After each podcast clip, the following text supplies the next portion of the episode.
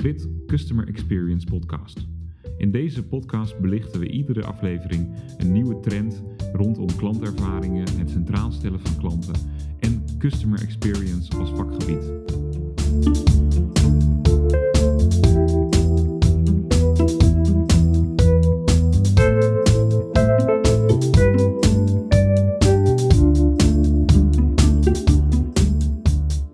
Oké, nou, welkom bij de nieuwe aflevering van de Grid Customer Experience podcast. Eh, dit is een hele bijzondere aflevering, want eh, ja, de content komt niet van ons, maar van eh, klanten, relaties, vrienden. Die hebben allemaal meegedaan aan de verjaardagsactie die wij hebben gehad om tips en uitdagingen in te sturen op het gebied van Customer Experience. Ehm, mijn naam is Mark Geljon en hier naast mij zit Nicky Meijer, een van onze consultants en manager van de Academy. En uh, Nicky, eh, jij bent eigenlijk de geestelijk vader van, uh, van deze actie. Wat, wat, was de gedachte? Ja, hi allemaal. Ik, um, de gedachte achter deze actie is dat we eigenlijk elk jaar op het, de, in de maand dat Grit een jaar ouder wordt, dat we langer bestaan, dat we eigenlijk een cadeautje willen geven aan de gemeenschap, aan het vakgebied. We hebben in het verleden ook al een mobiele app ontwikkeld, we hebben tools weggegeven. Eigenlijk geven we elk jaar een heel leuk cadeautje weg. En dit jaar leek het ons leuk om te kijken uh, wat het vakgebied uh, eigenlijk voor tips en uitdagingen um, heeft op het gebied van customer experience. Om op die manier elkaar vooruit te helpen in tijden die toch een beetje raar en lastig zijn. Ja, ja en, en, we hebben een mooie oogst hier voor ons liggen eigenlijk. Ehm, er zijn veel mensen die wat hebben ingestuurd en we hebben geprobeerd daar wat structuur in aan te geven. Um, we hebben ze eigenlijk geclusterd in drie uh, categorieën. De eerste categorie is begrijp je klant. Dus daar gaan uh, veel tips en uitdagingen over. Uh, de tweede categorie is ja, hoe verander je dan? we hebben dat continuous improvement genoemd. En ja, wat toch ook een groot aandachtspunt is in het gebied van, op het gebied van customer experience, is organisatorische uitdagingen en tips. Dus ja, eigenlijk willen we daar doorheen lopen. Ja zullen we maar eens beginnen. Um, ja, zal ik, doe jij ik zal uh, de eerste? Even, even meteen voorlezen. De eerste tip is van uh, Peter Kuipers. Hij is Digital Customer Experience Manager bij de Nederlandse Spoorwegen. heel leuk vent. Um, en zijn tip is: assume you're wrong. Ga ervan uit dat je veronderstellingen rondom je klant niet klopt. En ga dan uitzoeken hoe het wel zit.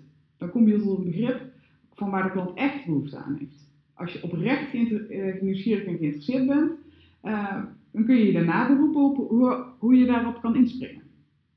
En dat vond ik wel een mooie, mooie om mee te starten, want ik denk dat dat, uh, dat, dat heel waar is, deze, tip, deze tip van Peter. Van, ja, wij zeggen dat ook altijd tegen, tegen klanten van, probeer nou niet allemaal assumpties te doen, maar probeer, je, probeer uit te zoeken hoe het zit. En ga Mhm. direct naar je klanten toe. Volgens mij is dat een hele, Ja. hele, fijne, hele fijne tip.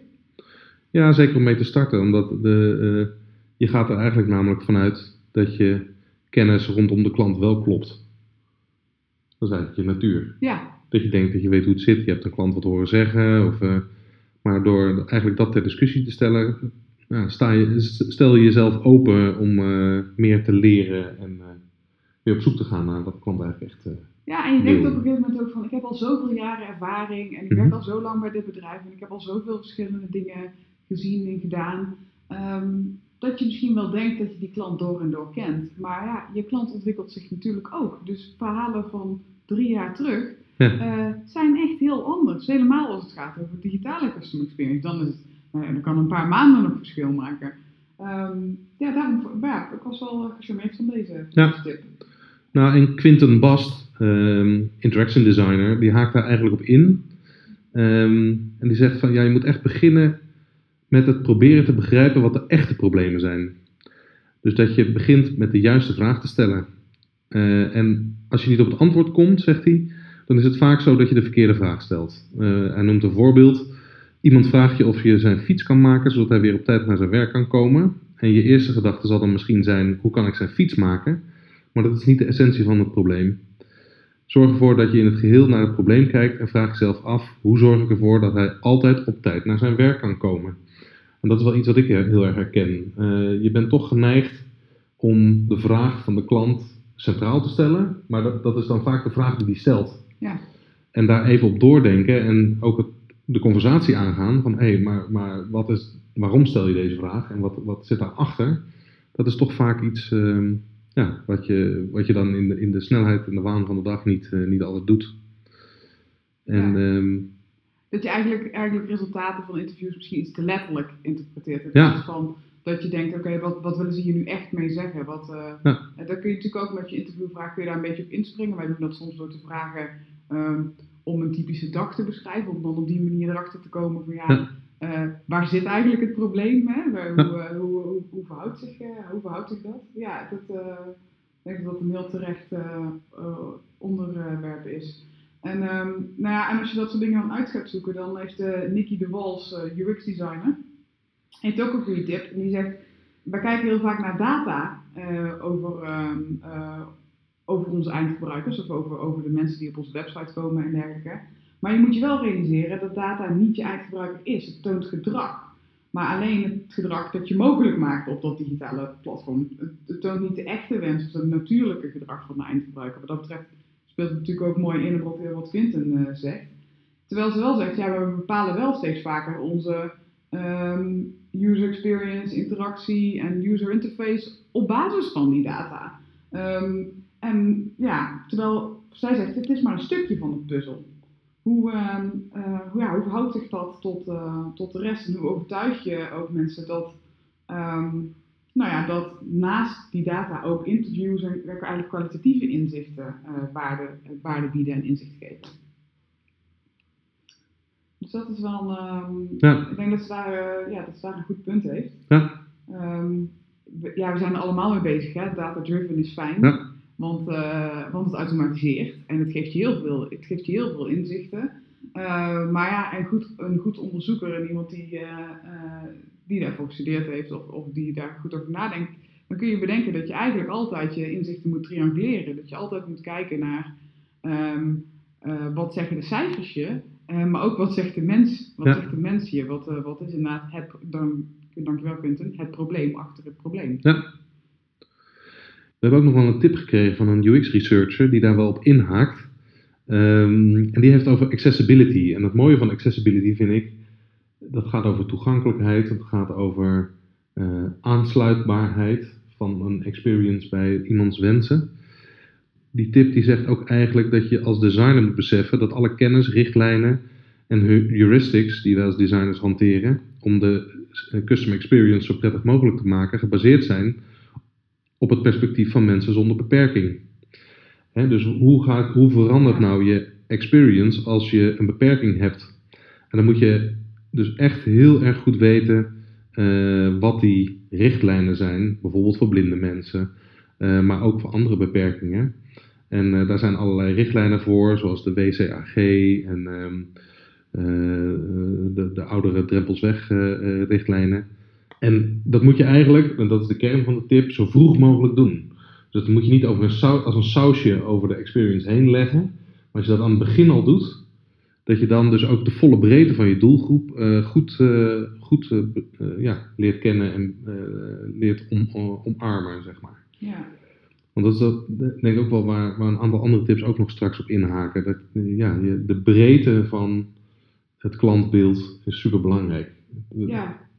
Ja, dat je, niet, dat je niet te veel in één straatje moet denken, zegt zij, wordt hier eigenlijk gezegd. Hè? Dus dat je, eh, dat je, dat je de hele eh, ex- experience toegankelijk maakt voor, ja, voor eigenlijk iedereen. En voor op zich wel grappig eh, om hem te volgen op de, op de tip van Nicky, die, die eigenlijk zegt, ja, data zegt, zegt niet altijd wat. Want ja, jij ziet natuurlijk aan je data niet of iemand een beperking heeft. En misschien Ja. kan iemand dan wel iets op een website helemaal niet goed voor elkaar krijgen, omdat diegene bijvoorbeeld met een, met een reader eh, de website, bij de website, website leest omdat hij eh, met, dat hij blind is. Ja. Dat, is een hele andere, dat is een hele andere ervaring en data geeft je al die inzichten niet.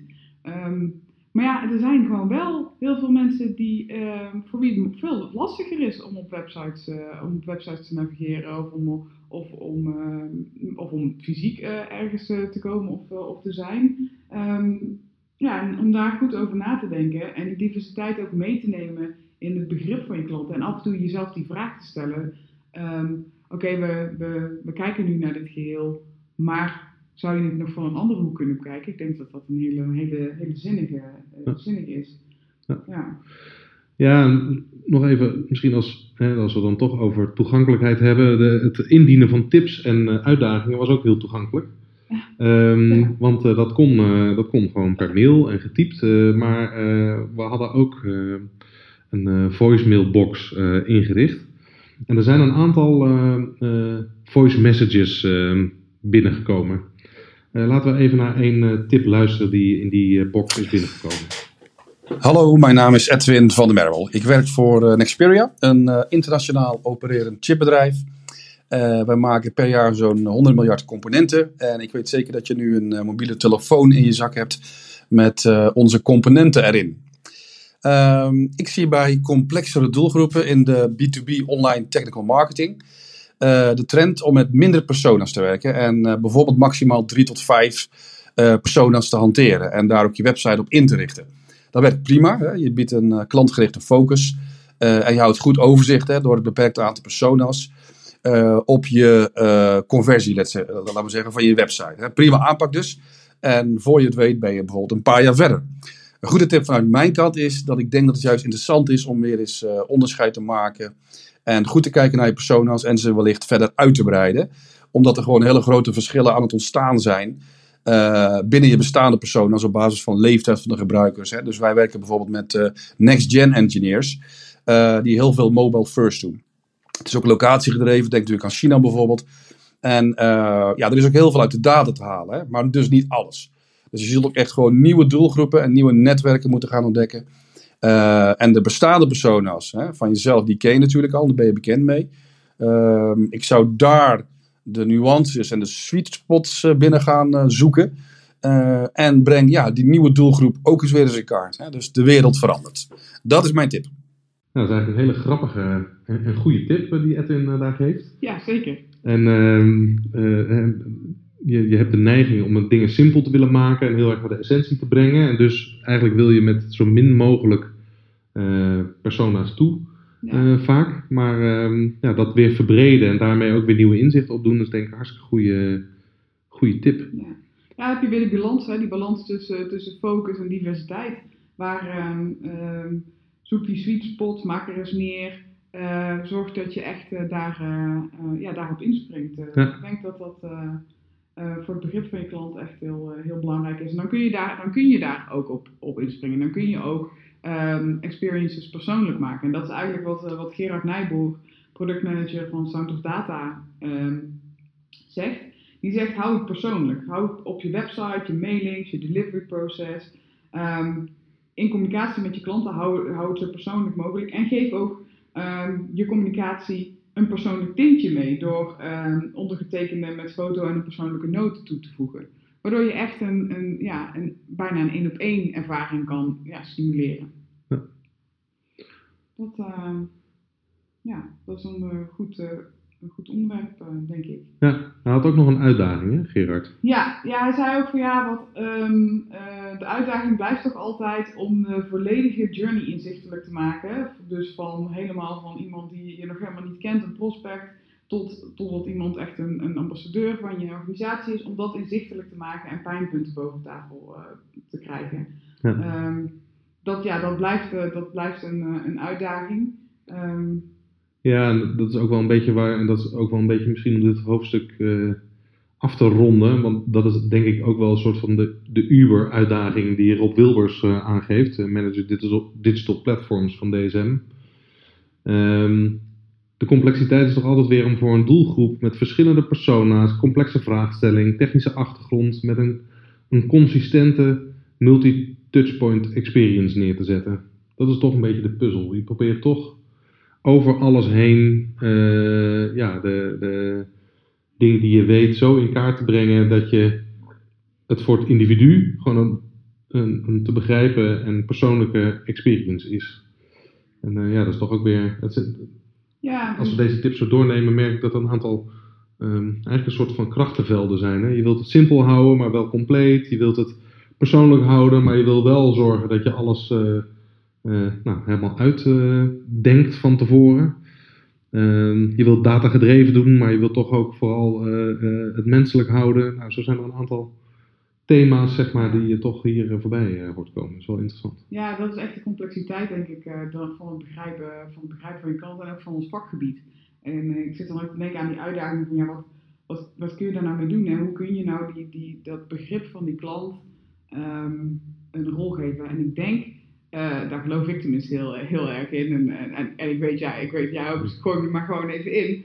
Ehm, zo visueel mogelijk maken. Ik denk dat je heel veel complexiteit kan tackelen door ehm, het uit tekst, uit hoofden van mensen te halen en visueel te maken. Dus inderdaad, nou misschien, misschien weet je wel, ehm, als je een persona canvas hebt, vul er eens gewoon 10 in. Ja. Gewoon om te kijken, om, om te kijken wat dat doet als, eh, als oefening. En eh, eh, hang een brownpaper aan de muur en probeer gewoon met wat mensen die, die, die, die kennis hebben en, en met, je, eh, met je research erbij, Ja. ehm, probeer het inzichtelijk te brengen. Ik denk dat dat, eh, ja, dat, dat gewoon, dat is even een tip van mij. Ik wou net zeggen, je bent, nou ben jij tips aan Ja. Dat was niet... gratis. wij, waren geen hoofdrolspelers. Dat zijn, dat zijn Nee, onze klanten en relaties deze aflevering. Helemaal waar, helemaal waar. Ja, Dus ja, dan komen we op het, eigenlijk het volgende onderdeel uit. En dat is de continuous improvement. En dat is eigenlijk de categorie ehm, die vaak terugkomt ook omdat je nou eenmaal niet ehm, in één keer een- een custom experience fixt. Het is niet iets wat je als een project af kan ronden en dan ben je klaar. Het is iets continuus, omdat het gaat om een relatie. En eh, Rob heeft daar ook wel een, eh, een tip eh, bij, en die, die gaat daar heel erg over. Ehm, probeer niet in één keer toe te werken naar het perfecte, maar optimaliseer stapje voor stapje en leer daarvan voor toekomstige activiteiten, projecten en verbeteringen die je wilt do- doen slash doorvoeren. Ik denk dat dat heel erg herkenbaar is. Het is, het is iets wat je, ja, Ja. een, eh, een continu proces van steeds weer dingen optimaliseren en een zoektocht naar hoe kunnen we eh, ja, die custom experience zo goed mogelijk maken. Ja, zeker. En wat Inge Na, eh, Nahuis daar ook over zegt, eh, User Experience Specialist bij, eh, bij Kramp, die zegt, eh, ja, eh fail fast, learn fast. Eh, maak het klein en breng je idee, verbetering of product zo snel mogelijk live, zodat je weet of het aanslaat en waar je moet verbeteren. Zodat je niet maanden aan ontwikkeltijd aan het verkeerde besteedt. Ik denk dat, zeg maar, die twee, die, die twee onderdelen daarvan, van niet in één keer toe willen werken, en, maar ook fouten durven maken. Dat dat, eh, ja, dat, want daarvan leer je, daarvan kun je, daarvan kun je het Ja. verder, eh, verder brengen. Terwijl mensen hebben soms zo de neiging om, het, om, het, om, ja, om alles helemaal uit te willen denken. Ja. Ehm, Ja, dat is ook wel een mooi bruggetje naar het, eh, want dat zijn dan even twee tips over continuous improvement. De rest gaat eigenlijk naadloos over meer organisatorische vragen. Ehm, zoals zoals eh, eh, een collega van Inge, Frederike Niehoff, eh, zegt, die is Custom Experience Manager bij Kramp. Ehm, eh, je moet het zoveel mogelijk onderbouwen met data en zorgen dat je een business case voor CX kunt berekenen. Want dan heb, heb je makkelijker discussies. ja. Dus het sluit heel erg aan op wat, wat Inge zegt. Je moet veel fast, learn fast. Maar je hebt ook die inhoud, die interne kant af te dekken. Dat als je dat maar onderbouwt en dat je dus een gevoel hebt van de verbetering, dat die ook iets gaat opleveren en wat die dan gaat opleveren. Ik denk dat dat ook nog wel een gebied is binnen Customer Experience, wat ontzettend veel eh, eh, exploratie eh, en ontwikkeling eh, behoeft, eh, zeg maar. Gewoon aantonen van oké, we hebben een Customer Journey. Deze punten hebben zoveel, eh, op basis van data, zoveel potentie. Hier moet nu echt in geïnvesteerd worden. Eh, ik denk dat daar ook heel veel behoefte aan is. ja, dat denk ik ook. En, ehm, en wat Frederike daar nog aan toevoegt, is eh, begin bij de weg van de minste weerstand en gebruik eh, departments, landen en managers die wel in CX geloven als testcase om te laten zien wat het resultaat kan zijn. En dat is ook iets wat wij heel erg herkennen en wat een hele goede aan die tip is van data gedreven is niet altijd big data of, of eh, cijfers. Het kan ook kwalitatieve data zijn. Ehm, als je eh, eh, ambassadeurs kan vinden in de organisatie waarmee je gewoon een verhaal kan laten zien, in een verhaal kan laten zien dat iets werkt, dat is ook ontzettend waardevol. Zeg maar. Dus het hoeven niet altijd grafiekjes te zijn, het kan ook gewoon best practices eh, zijn. Ja, en zij, zij gaat er ook op door en zegt dan, ehm, eh, ja, de uitdaging die daarbij bij komt is de tweestrijd tussen de cultuur verandering die een sekstransformatie met zich meebrengt en de kosten die dat soms in de praktijk vraagt. Dus je hebt die bewijslast ook echt nodig. Wat is die bewijslast nou dat die extra investering eh, zijn vruchten afwerpt? Precies zoals jij, eh, jij, jij zegt. De onderbouwing eh, daarvoor verzamelen is dan, eh, eh, is dan heel belangrijk. En maar ook het meekrijgen, zegt ze, van andere afdelingen. In, in beweging krijgen, ehm, verbeteringen laten doorvoeren. Ehm, en als je dat onderbouwd hebt, dan, dan, heb je, dan is de kans dat, je die, eh, dat die ambassadeurs ook echt eh, een argumentatie hebben in de organisatie natuurlijk veel, natuurlijk veel beter.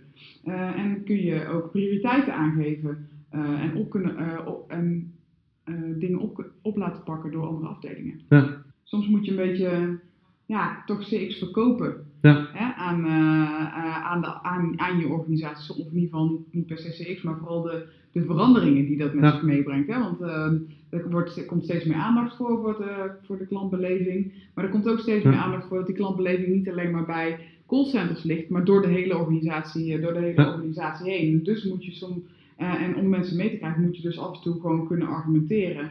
En dat is ook een beetje, dan hebben we de, die, de UX researcher die het had over accessibility, die gaat daar ook op, eh, op in. Maar je zegt, ja, hoe verkoop ik nou dat accessibility ook Ja. belangrijk is? Want ja, daar, eh, daar is niet altijd geld voor natuurlijk. Of mensen willen daar geen geld voor maken, of, of het is een, inderdaad een afterthought. Hoe verkoop ik dat nou? Hoe, hoe, hoe ehm, beargumenteer ik nou dat dat, ehm, ja, dat, dat, dat dat waardevol en belangrijk is, eh, belangrijk is om mee te nemen? Ja. En ik denk dat dat niet alleen voor accessibility geldt, maar eigenlijk voor, eh, voor alles eh, wat je doet op het gebied van CX-transformatie. Ja. En investeringen die je daarin doet en de, de manieren waarop je mensen mee wil krijgen. Ja, en de, de uitdaging die Peter Kuipers eh, van de NS eh, nog noemt, die, die sluit daar heel erg bij aan. Hè? Juist omdat het een soort van long game is, continuous improvement, het is niet een one-off, je bent continu bezig stapjes te zetten, gaat zijn uitdaging er ook over van hoe kun je een eh, CX en customer journey systemisch en systematisch verder brengen in het grotere bedrijf. Dus dat het gestructureerd en ingebed in je organisatie is. Ja. Ik denk dat dat ook wel de fase is waar het vakgebied nu in staat, zeg maar. Dat het meer richting, eh, niet richting een visual die je aan de muur hangt, maar veel meer in een eh, proces, een manier van werken, een systeem gaat zitten, waarin je dus continu wat je over klanten weet een plek geeft, mensen daarop kan aansluiten, je eh, organisatie capabilities op kan ont- ontwikkelen en eh, vergroten. Ehm, en, ehm, ja, en, en wat we dan nog wel zien, en daar, daar sluit eh, de volgende tip eigenlijk bij aan van Judith Bastiaans, die is senior consultant bij ING Nederland. Ehm, van, ja, hoe zorg je er nou dan voor? Dat, dat is eigenlijk mijn, mijn uitdaging die ik vooraf laat gaan aan de tip. Eh, dat het bij de mensen tussen de oren zit, zeg maar. Dus dat het niet iets is wat in een systeem zit. Dus haar tip is, eh, wat zij heeft geleerd na, na aanleiding van haar eh, in de organisatie. Eh, ehm, als het echt denken vanuit de klant niet in de genen van de medewerkers zit, wordt het nooit echt een prioriteit. Als je niet als management steeds erop hamert en je organisatie niet erop inricht, dan is je CX een dun laagje vernis waar de klant direct doorheen prikt. Het moet authentiek zijn. Ja, Ja, dat is een gigantische uitdaging. Ja, en de kern. De, ker- Ja, de de kern essentie. van de essentie van echte customer dedication, van echte ehm, goede klantervaringen kunnen bieden, zit hem daar. Dat je met z'n allen, dat het bij iedereen in de, eh, ja, in de botten zit. Dat het bij iedereen doorleefd wordt, dat mensen weten wie hun klanten zijn, wat je wil bereiken. Met z'n allen. En dat je echt een, ja, eh, met z'n allen ergens naartoe, eh, naartoe werkt. Ja. Dus dat is wel, ehm, dat vind ik, eh, deze laatste twee, zeg maar, die, dat zijn denk ik hele mooie uitdagingen. Dus hoe kun je, dat, wat, wat jij ook zei, ehm, waar het vakgebied nu staat. Hè? Je hebt mensen op, in afdelingen vaak pilots waarbij customer experience veel, veel aandacht krijgt. Hoe krijg je dan, zoals Peter Kuipers vraagt, hoe krijg je dat dan ingebed in de grotere, in de grotere organisatie? Hoe eh, laat je dat leven verder in de organisatie? En eigenlijk, waar, waar Judith het over heeft, is bijna een cultuurverandering voor sommige organisaties, helemaal voor grote logorganisaties. Ja. Hoe zorg je ervoor dat dat eh, klantgericht denken echt in, het- in je DNA komt? En ik eh, vroeg me af, we zitten hier toch in een podcast, die luisteren mensen naar. Wat zijn jullie ideeën daarover? Wat, laat het ons weten. Ja. Dat kan altijd door een mailtje naar mark.grid.nl. Ik, ik geef Mark hier nou als, als vrijwilliger op. Ja. maar dat zou ik heel graag willen weten, want ik denk ehm, dat, ja, dat iedereen daar eigenlijk mee, met die twee onderwerpen bezig is in het, in, in, het vakgebied. Dus laten we daar vooral een, ja... Ehm, Weer een volgende ronde. Ja, nou ja, Of, een volgende podcast of uh, met z'n allen een kennissessie over doen. Of in ieder geval, laten we daar eens met z'n allen over verder denken. Want volgens mij is dat echt de moeite waard. En wat dan wel aardig is, en dat misschien ook wel een leuke uitsmijter van deze podcast, uh, is om even te luisteren wat Maries Dino, founding partner van My Skill Passport, nog als challenge voor zich ziet. Ik wil je graag meenemen in een uitdaging en die heet de Bananen Challenge. En dat is, kan je met je sales en marketing team samen organiseren. En de Bananenschil Challenge, die gaat erover om met minimaal twee teams die tegen elkaar kunnen de user journey volledig te volgen. Um, waarmee je de, de, de user experience op alle touchpoints die er zijn kaart kan brengen. En met het team zoveel mogelijk bananenschillen moet vinden waarover jouw uh, potentiële klant zal gaan uitglijden. En als je dat met je sales en marketing team doet, en die challenges tegen elkaar laat doen, dan zal je verbaasd zijn over de uitkomsten die eruit komen. Dus de bananen schild challenge levert je goede input als verbeterpunten op alle touchpoints in het sales en marketing proces. Ja, dat is natuurlijk een superleuk idee en, en praktische manier, zeg maar, om uh, ook het punt van Judith uh, aan te kaarten. Hè? Dus de, ook om mensen in de organisatie mee te laten ervaren van wat het nou is om zo'n uh, die bananenschillen te zien en dan ja. daar, die ook aan te pakken. En ehm, ja, dat soort werkvormen, zeg maar, als er dan tips komen, dan ben ik ook daar heel erg in geïnteresseerd. Van, ja. van hoe kan je nou echt werkvormen vinden dat je in grotere organisaties dat, dat customer centricity denken, customer experience, customer dedication vormgeeft bij de medewerkers. Want de cultuurprogramma's en veranderprogramma's die ik tot nu toe heb gezien, die, uh, nou, die kunnen nog wel wat concreetheid gebruiken, laat ik het zo maar. Uh. Ja, dat kan ik me voorstellen. Maar ik moet zeggen, als manager van onze academy ben ik daar natuurlijk altijd in. Oh, ja, ja, ja. Een, beetje, een, beetje, een beetje werkvorm kun je mij wel, kun je ja. mij wel blij mee, mee krijgen. Um, dus dat, uh, ja, zo, dit soort challenges zijn dan gewoon heel leuk helemaal. Als je het op een, uh, op een, een beetje ludieke, grappige manier weet in te leiden, dan is, dan is zoiets natuurlijk een hartstikke, hartstikke mooie manier ook om de benodigde vaardigheden in je organisatie uh, te krijgen. die je nodig hebt om, om klantervaringen echt, ja. echt te kunnen laten landen. Want we kunnen, het is een cultuurervaring, maar dan ga ik, gooi ik mijn stok, stokpaardje er toch nog even in. Ja mensen moeten het ook kunnen. Moet het kunnen. medewerkers Ja. moeten ook wendbaar zijn, die moeten ook vaardig zijn. Ehm, die moeten wel de skills hebben om in zo'n verandering mee te kunnen. Denken, leren, doen, hadden we wel eens gezegd, geloof ik. Denken, leren, doen. Denken, leren, doen. Ja. Ja, nou, ja, dat is eigenlijk dan eh, de afronding eh, van deze podcast. Uh, superleuk om eh, eh, al die tips mee te nemen ehm, van mensen die daar ook echt verstand van hebben. Dus eh, het niveau van de podcast is ineens gigantisch omhoog geschoten. Nou, nou, nou, nou, nou. nee, maar dat is hartstikke mooi. Het is Ja. heel leuk om op deze... En dat ook zoveel mensen gereageerd hebben en enthousiast eh, hun tijd eh, eh, besteed hebben. Dat, eh, dus ik wil eh, eh, afsluitend eh, eh, Peter Kuipers, Quinten Bast, Nicky de Wals, Edwin van der Merwel, Gerard Nijboer, Rob Wilders, Frederike Niehoff, Inge eh, Nahuis, Judith Bastiaans en Maurice Dino. Hartelijk bedankt. Ja, en ik wil jou bedanken voor dit Ah. mooie idee voor onze twaalfde verjaardag. Ja, Eh, kunnen we ondertussen weer alvast nadenken over de dertiende, maar eh, dit ja. hartstikke leuk om dit zo te doen. Dus dank voor het luisteren. Ehm, we zijn ontzettend benieuwd naar jullie feedback. Ehm, laat die achter eh, in de show notes eh, staat ook eh, hoe en waar precies. En anders graag tot de volgende.